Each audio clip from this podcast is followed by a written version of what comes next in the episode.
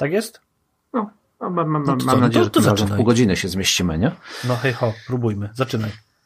Y, ja mam zaczynać. Dobrze. Tak, myślę, ja że dzisiaj, zaczynać. dzisiaj zaczynaj.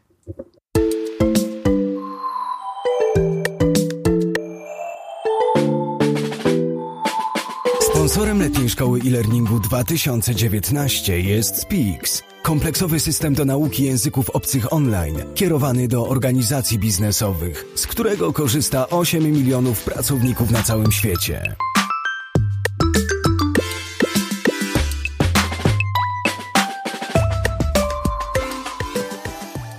Ojej, czuję się w roli gospodarza, aż tak niezręcznie, zaskoczyłeś mnie, ale słuchajcie, witam wszystkich w kolejnym odcinku Letniej Szkoły e-Learningu. Wita się z tej strony Przemek Kędzia, a z tamtej strony Piotr Peszko. Cześć. Super, super. Słuchajcie, dzisiaj, skoro ja mam zagajać, to zagajam dalej w takim razie, Piotrek. Y, dzisiaj mamy temat y, szkoleń obowiązkowych. Jak zaprojektować, jak przeżyć y, szkolenia obowiązkowe w organizacji. I Piotr, zanim tobie oddam głos, to może ja pociągnę tutaj i zrobię taką... Śmiało, ja mam kawę. Systematykę. Masz kawę. Ja też, ale to ja za chwilkę się napiję, a zrobię taką systematykę tych szkoleń obowiązkowych, którą sobie przygotowałem. Tak jak o nich myślimy, bo szkolenie obowiązkowe nie jedno ma imię. E, no, no takie trzy grupy sobie wyodrębniłem. Pierwsza grupa to są szkolenia, które są wymuszone przepisami prawa, tak? czyli takie standardowe BHP, na przykład RODO, e, obowiązkowe szkolenia dla różnych grup pracowniczych, zawodowych. E, druga grupa tych szkoleń obowiązkowych to są takie szkolenia, które są wymuszone z kolei regulacjami organizacji, typu compliance, typu zapobieganie mobbingowi na przykład. E, no i trzecia grupa, którą moglibyśmy też uznać za szkolenia obowiązkowe, to są wszystkie takie szkolenia, którym po prostu organizacja nada taki status obowiązkowy, bo wszyscy pracownicy muszą je zrobić. I to, to już mogą być e, szkolenia z każdej kategorii, typu obsługa klienta, szkolenia produktowe, bo jest nowy produkt, wszyscy pracownicy muszą poznać nowy produkt, bo muszą mieć świadomość tego, co robią, co sprzedają i tak dalej. E, no i teraz tą trzecią grupą myślę, że tutaj będziemy się najmniej zajmować w tej dzisiejszej naszej rozmowie, natomiast największy problem może sprawiać nam grupa pierwsza i druga, czyli te szkolenia, które wynikają z jakichś e, przepisów wewnętrznych bądź e, zewnętrznych. Czy zgadzasz się z takim podejściem? Wiesz co, ono jakby jak najbardziej pasuje do mojej aktualnej rzeczywistości, bo moja aktualna rzeczywistość polega między innymi na tym, że zajmując się security awareness w dużej organizacji, właśnie prowadzę takie szkolenia obowiązkowe, które z jednej strony wymagają, wymagane są regulacjami zewnętrznymi, a z drugiej strony są wymagane regulacjami wewnętrznymi firm, czyli firma ma jakieś tam politykę, polityki bezpieczeństwa i te polityki bezpieczeństwa mówią, że X, Y, Z, tak, że pracownik ma zrobić nowe szkolenie, e, właśnie ma zrobić onboarding security w ciągu 60 dni od zatrudnienia. Kropka. Nie? Mhm. I, I na przykład to jest wewnętrzna regulacja, na którą jakby ja sam tę poprzeczkę sobie postawiłem, więc jakby to jest moje wyzwanie, ale właśnie um, patrząc na to z perspektywy um, organizacji wewnętrznej dostarczającej to szkolenie, ja stoję z drugiej strony tej barykady. Oni źli użytkownicy nie robią tego szkolenia. Nie? Tak. Jakby tak to wygląda z mojej perspektywy. Mhm. Oni źli. No nie? I ja wysyłam remindery, ja wysyłam te, te raporty takie, że nie zrobił, że nie, że w ogóle dramat i kara, no nie? I, a on ci mówi, że mu brakuje czasu. Tak. A ja mówię, a co mnie to obchodzi, to jest ważne. Tak. A to jest, a moje, wiesz, mo, mo, moje jest najmojsze, no nie? To jest ważniejsze, moje ważne jest ważniejsze niż twoje ważne. I myślę, że tu jest burek pogrzebany, no nie? Co tak naprawdę jest ważne, ważniejsze i tak dalej, ale ja myślę, że jeszcze, ja tutaj niestety e, się w tę rolę muszę wpisać, jestem posłańcem złych wiadomości. Nie? Załóżmy, mam organizację jakąś tam na poziomie kraju albo na poziomie jakiegoś departamentu, idę do nich i mówię im, słuchajcie, tyle macie dropoutów, tyle osób nie zrobiło, a e, takie i takie trzeba wyciągnąć konsekwencje, żeby oni to szkolenie zrobili. No bo zobacz, jeżeli w dużej organizacji pracownik e, nie przeszedł jakiegoś szkolenia, to w wielu wypadkach są to szkolenia na tyle ważne i na tyle istotne, że on nie może realizować e, pracy. Nie? Bo są to na przykład szkolenia, które dotyczą, nie wiem, chociażby ochrony danych osobowych. To jakby takie były, te, te wszystkie RODA były bardzo popularne, no nie? I tych szkoleń jest mnóstwo, one są wymagane i tak dalej, ale pracownik nie będąc um, zgodnym z jakimś standardem organizacyjnym nie może wykonywać pracy na swoim stanowisku, bo on na przykład takiego szkolenia nie przeszedł, prawda? Tak. I teraz pracownik mówicie, że to nie jest dla niego ważne, bo on nie ma czasu, a ty mówisz mu stary, ale jak nie zrobisz tego szkolenia, to ty nie możesz pracować. Kropka. No nie? I teraz e, ja mam problem, że jestem posłańcem tych złych wiadomości i że te szkolenia uważane są jako mm, takie szkolenia za, za karę, tak?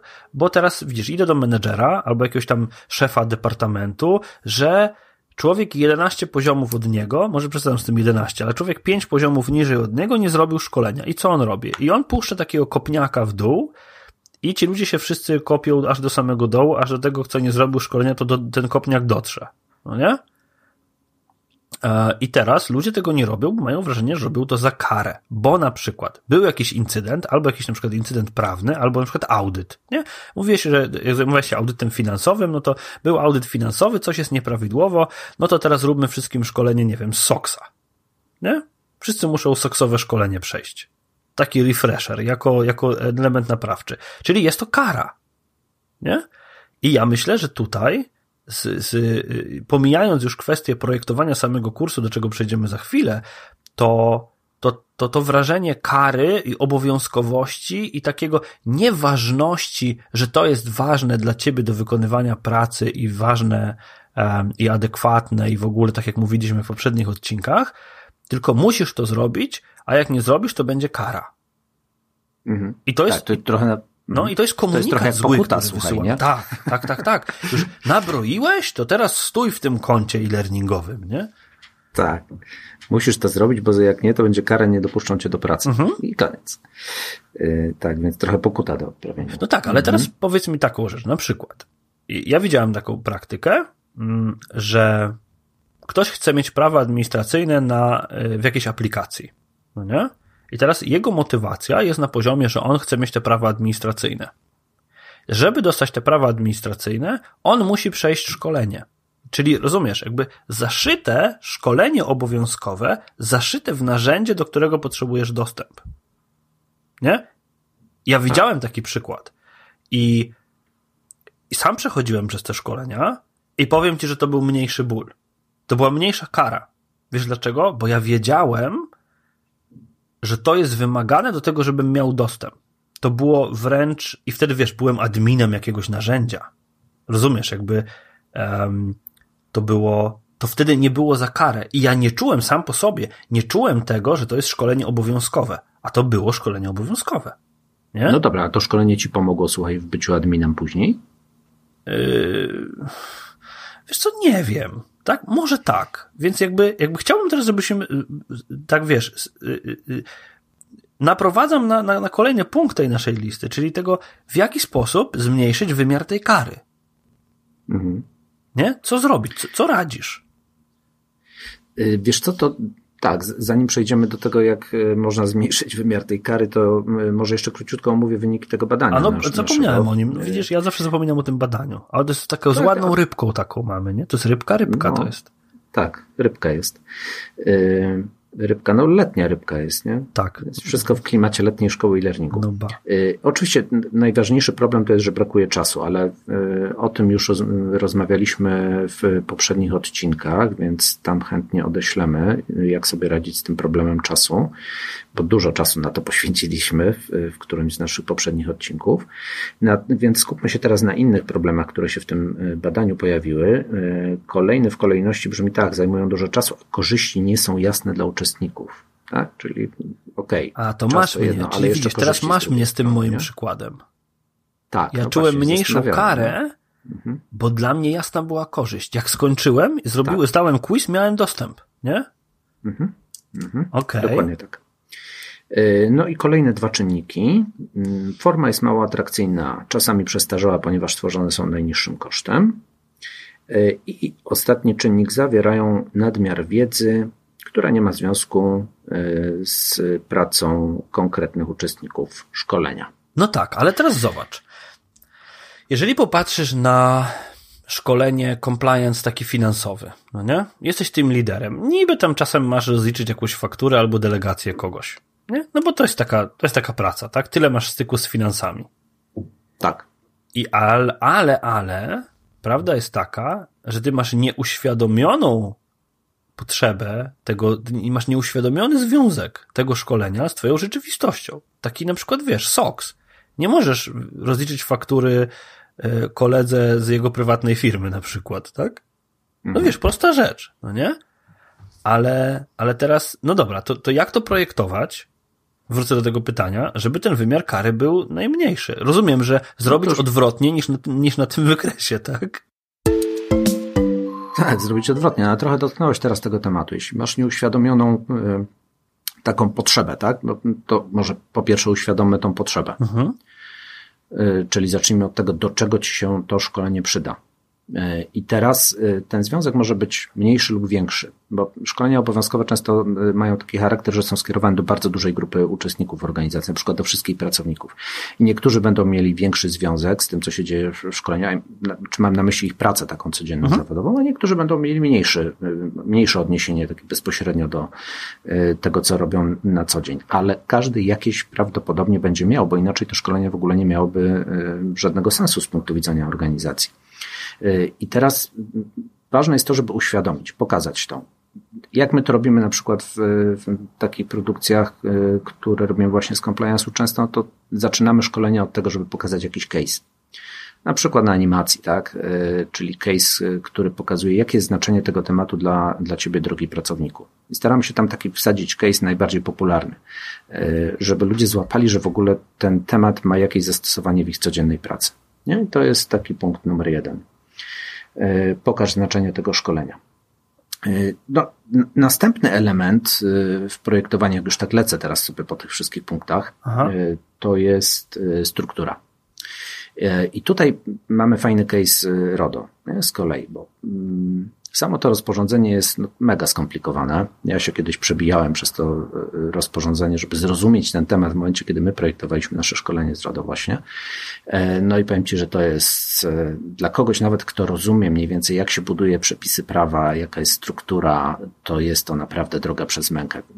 Ładnych parę godzin poświęciłem, żeby w ogóle zrozumieć strukturę dokumentu. I teraz chodzi o to, żeby przełożyć to, co najczęściej gdzieś mamy zapisane w procedurach, przepisach na czytelną dla uczestnika e, strukturę szkolenia.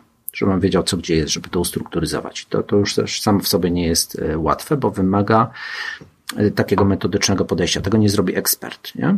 Bo ekspert myśli taką strukturą, jaką ma w, na przykład w przepisach, w regulacjach, a y, potrzeba tutaj metodyka, który potrafi tą strukturę przełożyć na coś, co jest czytelne dla uczestnika. Tak, zwłaszcza, że ekspertem przeważnie jest prawnik, więc jakby RODO tak. dla prawnika to jest, to jest inne RODO niż RODO dla człowieka. No, no, dokładnie. I, I, właśnie, i teraz dotknąłeś trzeciego elementu, to jest kwestia języka, którym się posługujemy e, w takim szkoleniu, czyli to nie może być język prawniczy. E, I tutaj znowu jest rola, e, nazwijmy to szeroko, metodyków e, e-learningu, żeby uprościć ten język.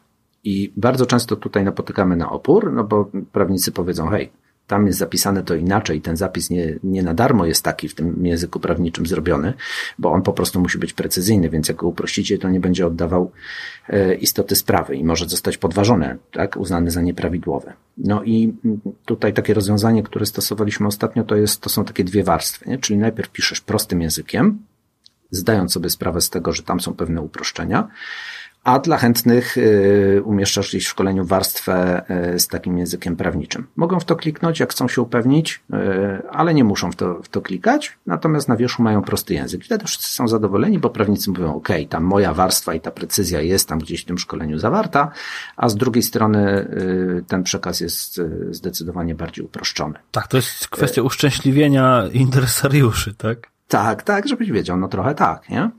No, to trzeba też zrozumieć w rozwiązaniach korporacyjnych, bo ktoś za tą treść szkolenia odpowiada y, ostatecznie mhm. i tam się nie mogą znaleźć rzeczy, które y, będzie można w jakiś sposób podważyć, tak? Wtedy przyjdzie pracownik, hej, a w szkoleniu było tak, nie? No i teraz będzie problem.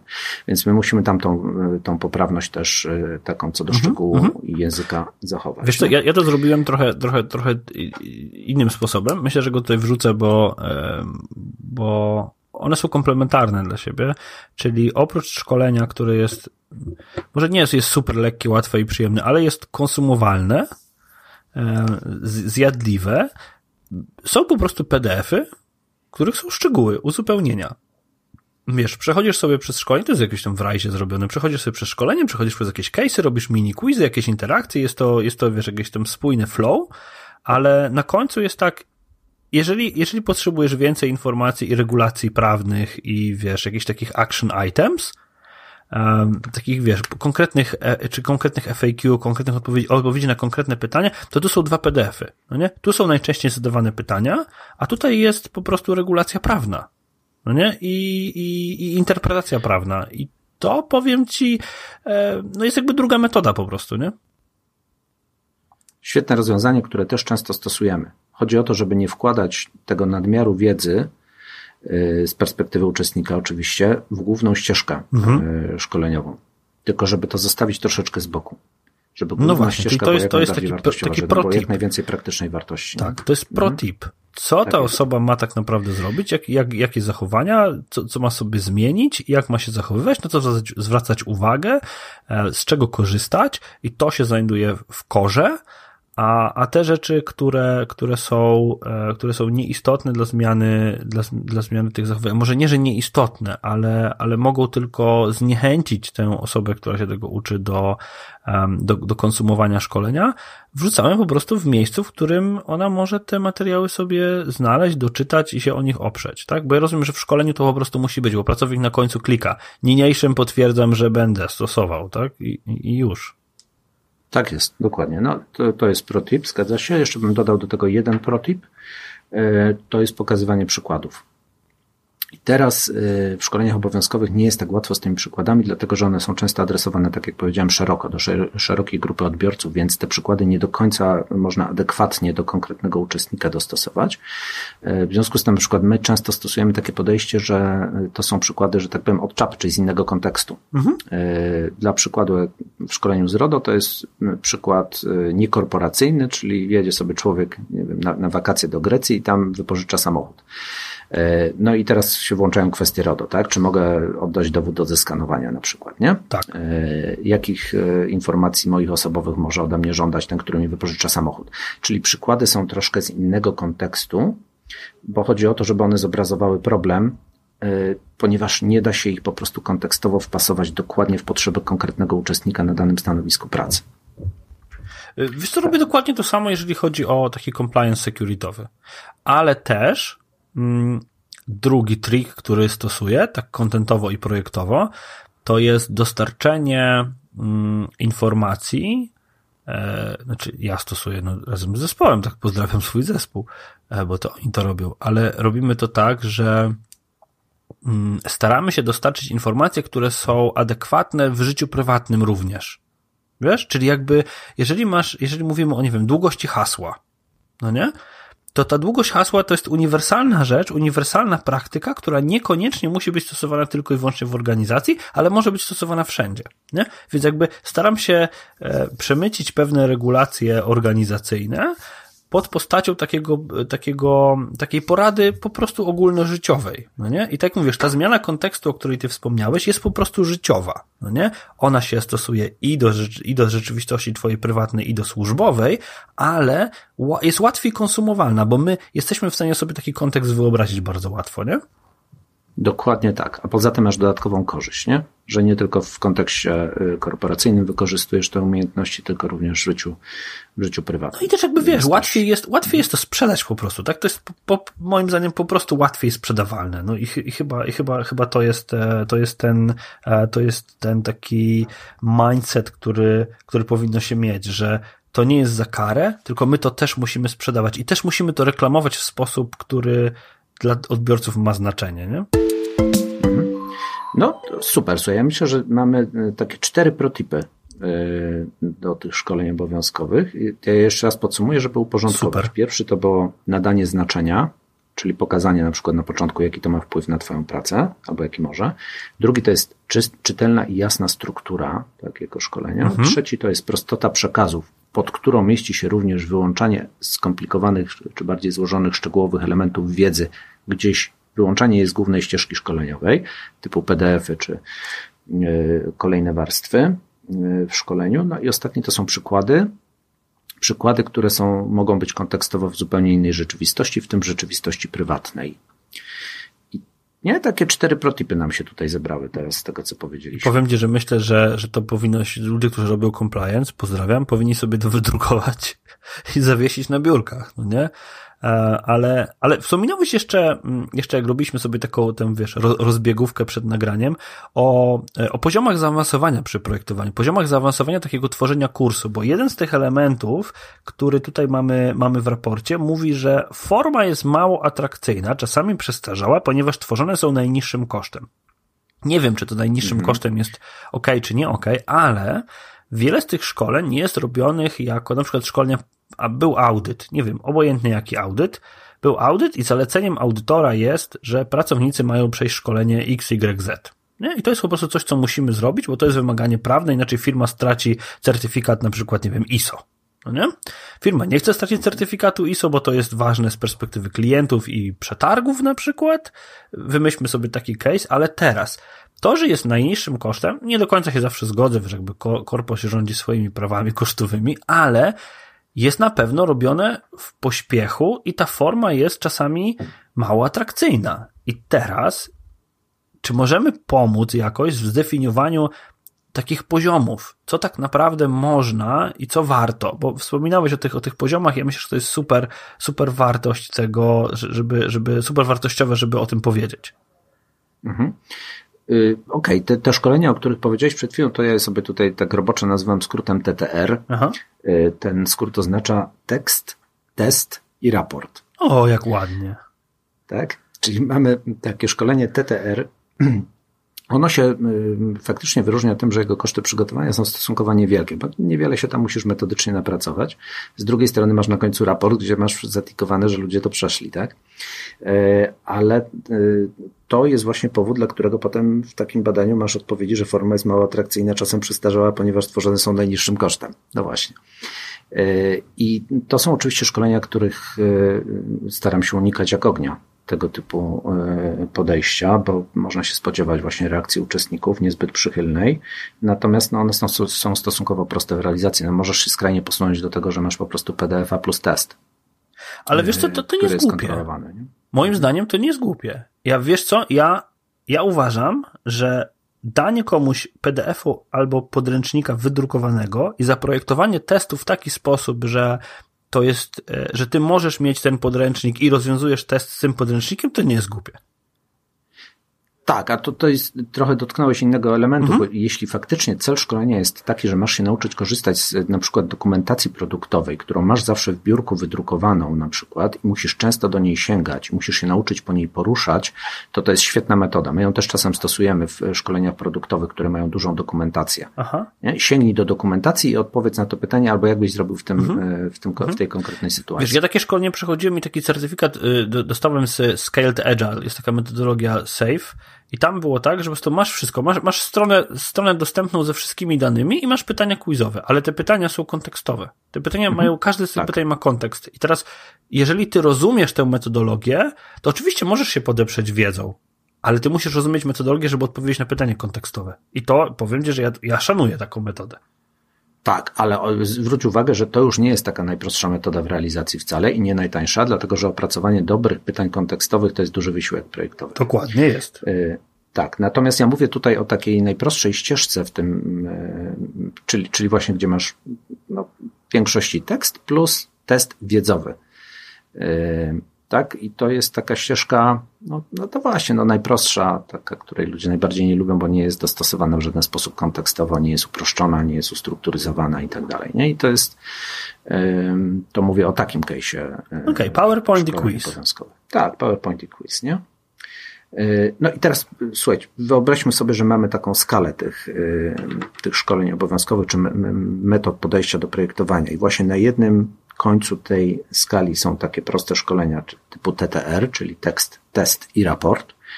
W środku tej skali mamy to, o czym mówiliśmy na początku, tak? czyli te cztery protypy. Yy, jeszcze raz je przypomnę. Znaczenie, struktura, prostota, przykłady.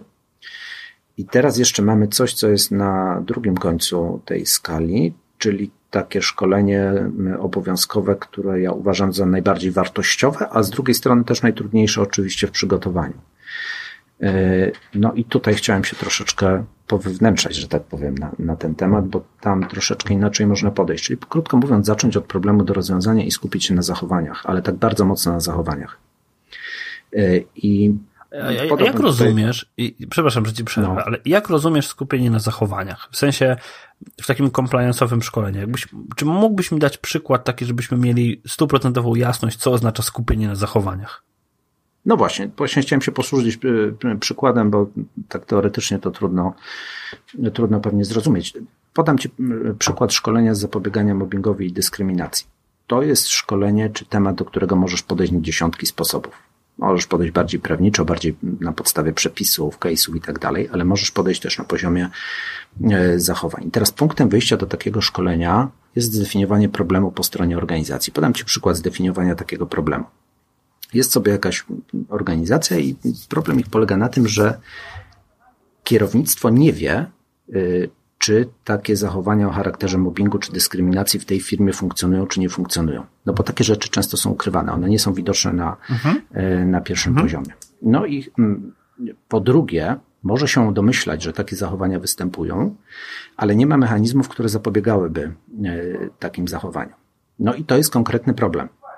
Z tego problemu, jak wejdziesz głębiej w analizę, dlaczego tak jest, to się okaże na przykład, że ludzie nie wiedzą, czy coś jest zachowaniem mobbingowym, czy nie jest, czyli nie potrafią odróżnić. I to już jest wskazówka do pierwszego zachowania, tak? Czyli y, percepcja, że tak powiem, odróżnić, czy coś jest mobbingiem, czy nie jest mobbingiem, bo jak nie jest, to nie reagujesz, a jak jest, to powinieneś zareagować. I to nas prowadzi do drugiego zachowania. Jakie powinieneś podjąć działania, jeśli jesteś, nie wiem, ofiarą, jeśli jesteś świadkiem, jeśli jesteś przełożonym, kolegą i tak dalej. E, I to nas prowadzi do drugiego zestawu zachowań, właśnie, czyli tych e, podejmowanych działań. I wtedy koncentrujesz się w tym szkoleniu e, na konkretnych zachowaniach, czyli czy umiem rozpoznać i odróżnić. W związku z tym możesz zbudować fajny case i fajne story, które pokazuje kontekstowo, co, co się dzieje gdzieś tam w organizacji i możesz zbudować w oparciu o to interakcję, czyli wyzwanie dla uczestnika pozwalające mu ćwiczyć czy coś jest mobbingiem, czy nie jest mobbingiem, czy już jest mobbingiem, czy jeszcze nie jest, bo wiadomo, że to musi być rozciągnięte akurat w tym przypadku w czasie. No i potem drugie zachowanie, które ćwiczysz, to jest sposób reakcji. I ten sposób reakcji może być na kilku poziomach. To może być bezpośrednia reakcja w danej sytuacji. To może być reakcja polegająca na zgłoszeniu gdzieś w systemie y, korporacyjnym takiego zachowania y, do odpowiednich służb, organów, że tak powiem, czy jednostek organizacyjnych, do HR-u, do kierownictwa i tak dalej. I wtedy cała warstwa wiedzowa, y, ona się staje tłem.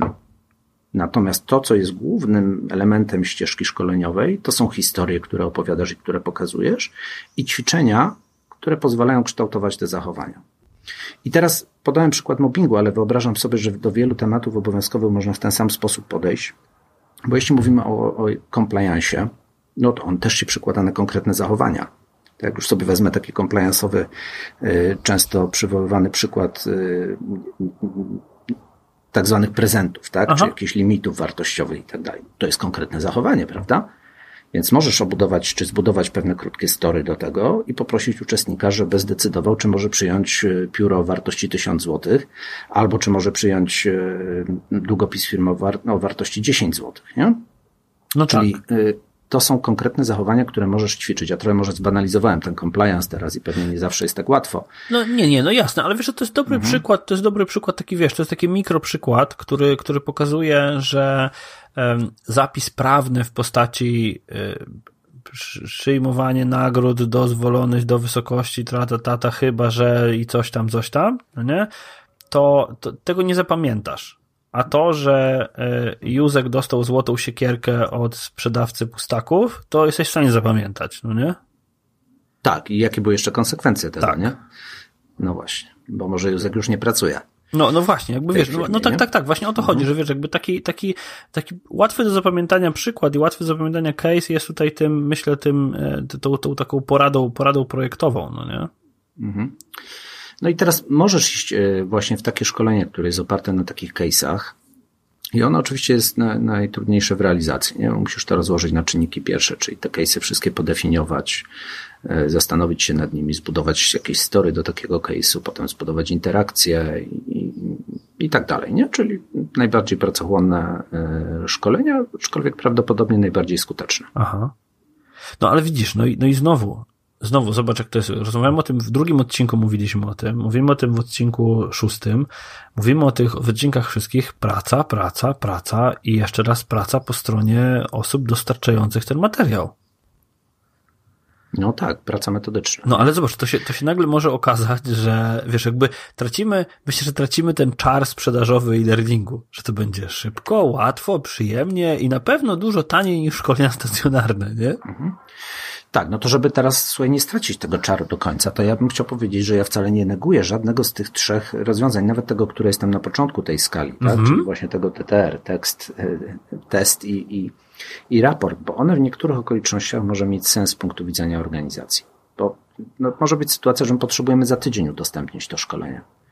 Nie mamy czasu na to, żeby pracować nad, e, nad metodyką. No, taka jest potrzeba organizacyjna. No i trach, no i trzeba to zrobić. I, yy, i, I wtedy po prostu trzeba zrobić wszystko, co jest możliwe w danym budżecie czasu, mhm. w tym okresie, który mamy do dyspozycji, żeby zrobić to możliwie najlepiej, ale wiadomo, że wtedy nie osiągniemy e, takiego efektu no, na maksa, tak?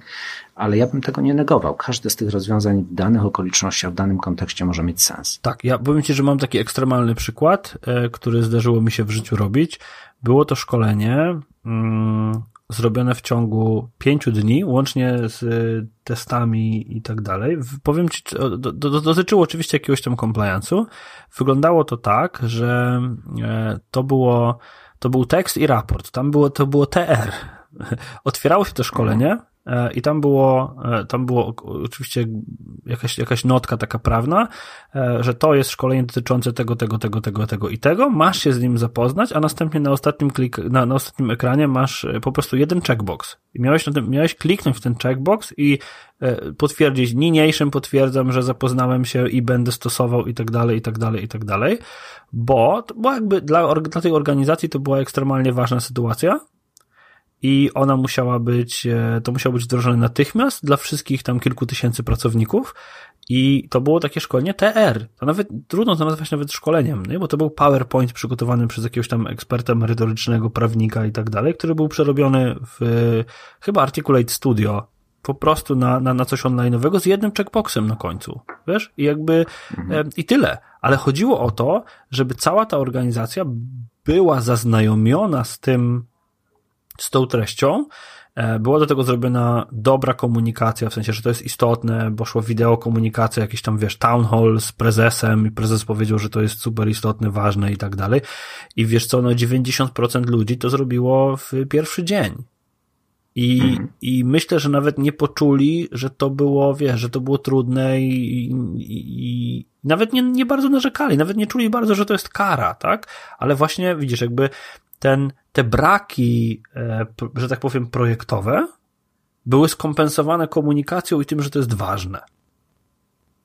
Tak, my sobie też o tym już rozmawialiśmy w którymś z poprzednich odcinków, prawda? Tak. Jak, jak ważna jest ta komunikacja wokół e, szkolenia. Ja bym się jeszcze zastanowił, czy nie warto wtedy trochę uczestników uprzedzić, e, jeśli chodzi o formę tego szkolenia, tak? czyli o kontekst powstawania. Słuchajcie, zrobiliśmy to w ekspresowym tempie, w związku z tym jest to proste, prosty materiał i będziecie z niego korzystać w taki, w taki właśnie sposób, żeby uświadomić, pokazać, że mamy świadomość, nie? że to może nie jest jakieś wyrafinowane szkolenie z bajerami, multimediami i tak dalej. Aha. No e, tak, tak, jak najbardziej. Wiesz, myślę, że to jest, że, że to jest spoko, że jakby tu, żeby, żeby też wszyscy była jasność, żeby wszyscy wiedzieli, że tak jak mówisz, nie negujemy żadnego z tych rozwiązań, bo to w wielu wypadkach są rozwiązania, które powodowane są koniecznością biznesową. I tak nie chodzi o tolerowanie niechlujstwa, nie chodzi o tolerowanie ignorancji y, i tak dalej, ale chodzi o to, że projektujemy w jakichś realiach czasu, finansów, miejsca, organizacji. I każde z tych rozwiązań może być wystarczająco dobre. No, dokładnie tak tutaj w rozwiązaniach korporacyjnych no, trzeba zawsze wyjść od okoliczności biznesowych i potrzeby biznesowej, prawda? I nie zawsze da się zrobić super szkolenie z perspektywy uczestnika, bo ta potrzeba biznesowa jest na pierwszym miejscu. No i trzeba z tym żyć. To nie tak? jest nic złego, jak najbardziej. To no, absolutnie uzasadnione. Tak. Ale teraz powiem Ci ciekawostkę. Ostatnio ponieważ jakby jakieś tam mam oczywiście KPI -e i to też tak jakby w wielu wypadkach te szkolenia obowiązkowe są powiązane z KPI-ami organizacji i wysyłamy oczywiście jakby, system wysyła standardowe remindery, nie? I teraz wyobraź sobie, że standardowy reminder, no ma jakiś tam, mierze, mierze ile, ile procent ludzi zrobi szkolenie po standardowym reminderze, no nie? Niewiele, bo chyba ludzie mają wyfiltrowane w skrzynkach te remindery, ale teraz posłuchaj, co jest ciekawe, ja myślę, że będę to kontynuował, to jest fenomenalna rzecz. Zakomunikowanie, zadanie pytania takiego personalnego do osoby, która, wiesz, oczywiście jakaś tam automatyzacja za tym stoi, nie? Ale zadanie pytania, dlaczego nie zrobiłeś tego szkolenia? Jakie są powody, dla którego nie zrobiłeś tego szkolenia? Słuchaj, jest e, kilkunastoprocentowy wzrost e, ukończeń w porównaniu do, e, do takiego standardowego remindera. Wyobrażasz sobie, że kiedy przychodzi spersonalizowany mail, kiedy przychodzi mail od osoby, a nie mail od systemu i mail jest z pytaniem, dlaczego nie zrobiłeś tego szkolenia, takie wiesz, może, może to nie jest najwłaściwsze mhm. pytanie, tak? Jakby nie chcę tutaj, wiesz, jakby rozkminiać komunikacji i non-violent communication i innych rzeczy, ale wiesz, jakby pytanie z zainteresowaniem, dlaczego tego nie zrobiłeś, daje dużo większe wyniki e, niż po prostu reminder, nie? Co jest, dla mnie to było mhm. ogromne zaskoczenie ostatnio, wiesz, jakby, bo możesz przecież wysłać maila do tysiąca osób spersonalizowanego e, i zautomatyzować to i zapytać, dlaczego nie zrobili. I to jest po prostu, ja byłem w szoku. A to znowu wracamy swoje do tego wątku, jak y, zwiększyć zaangażowanie uczestników właśnie w szkoleniu, tak? Czyli to podkreślanie wagi, bo to jest z tej kategorii zachowanie czy działanie. Mhm. Y, czyli jeśli ty piszesz spersonalizowanego maila takiego od osoby od siebie, to znaczy, że tobie zależy. Tak, jak tobie zależy, to znaczy, że to jest ważne też dla organizacji, nie? Na tyle jest to ważne, że ktoś zadał sobie trud, poświęcił czas, żeby napisać do mnie maila konkretnego, spersonalizowanego. Także to, to, to robi robotę. Tak, ale wiesz, to też można to zautomatyzować. No nie oszukujmy się, no w tej chwili jakby tych systemów automatyzacji jest mnóstwo. Dobra, do brzegu, do brzegu, bo będziemy mieć kolejny godzinny podcast. Tak, no właśnie. Jak przeżyć? Mówiliśmy o tym, jak przeżyć w odcinku numer dwa, gdzie mówiliśmy, dlaczego ludzie w korporacjach nie chcą korzystać z e-learningu i mówiliśmy w tym odcinku pierwszym, jak angażować uczestników szkoleń, więc on, my je podlinkujemy, jak ktoś nie słuchał, to niech się wstydzi i niech do nich wróci, a nawet jeżeli ktoś słuchał, to niech wróci, bo to, to jest um, to jest coś, co się łączy bardzo, ale Przemku, jak przeżyć takie szkolenie. Protip na to, żeby, e, żeby takie szkolenie compliance'owe e, przeżyć jako uczestnik tego szkolenia. Mhm. To, żebyśmy nie mieli godzinnego odcinka, to ja mam tylko jeden protip. Jakbym był uczestnikiem takiego szkolenia, to zadanie, które bym przed sobą postawił, to jest, brzmi tak. Wypisz wszystkie rzeczy, które wpływają na to, co robisz w pracy. W Twojej konkretnej, na Twoim stanowisku, w Twojej robocie. I to jest Twoja notatka z tego szkolenia. Wtedy to szkolenie nabierze też dla Ciebie większego sensu jako uczestnika. I będzie mniej bolało. Elementy. Będzie mniej bolało, nie będziesz czuł jakąś korzyść, tak? Będziesz wiedział, co masz zmienić w swoim zachowaniu e, w wyniku tego szkolenia. Nawet niezależnie od tego, jaką metodą ono jest zaprojektowane, czy TTR, czy najbardziej zaawansowaną, opartą na historiach. Wyłap to, co jest dla Ciebie ważne, co możesz zastosować w pracy i tak sobie zrób notatkę. Super. To jest Twoja korzyść z tego szkolenia. Super. Dziękuję Ci bardzo. Wam dziękuję za uwagę, wysłuchanie tego odcinka. Oczywiście zapraszam do kolejnych. E, zapraszam do dzielenia się e, linkami. Zapraszam do robienia zdjęć, na których pokażecie w jaki sposób słuchacie letniej szkoły learningu i oczywiście standardowo recenzje w iTunes i szerowanie. Sharing is caring, jak to mówią Amerykanie. E, dziękuję bardzo i do usłyszenia. Dzięki również do usłyszenia.